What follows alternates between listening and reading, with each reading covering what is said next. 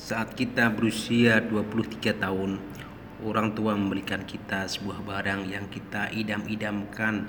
Sebagai balasan kita malah mencela, duh kalau mau beli apa-apa untuk aku bilang-bilang dong aku kan gak suka model seperti ini.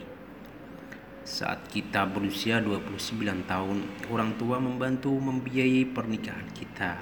Sebagai balasan, kita malah pindah keluar kota, meninggalkan mereka dan menghubungi mereka hanya dua kali setahun. Saat kita berusia 30 tahun, orang tua memberitahu kita bagaimana cara merawat bayi.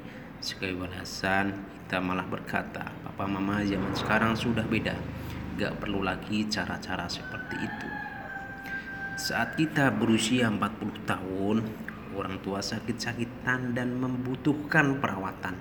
Sebagai balasan, kita malah beralasan, "Papa, Mama, aku sudah berkeluarga. Aku punya tanggungan jawab, aku punya tanggung jawab terhadap keluargaku."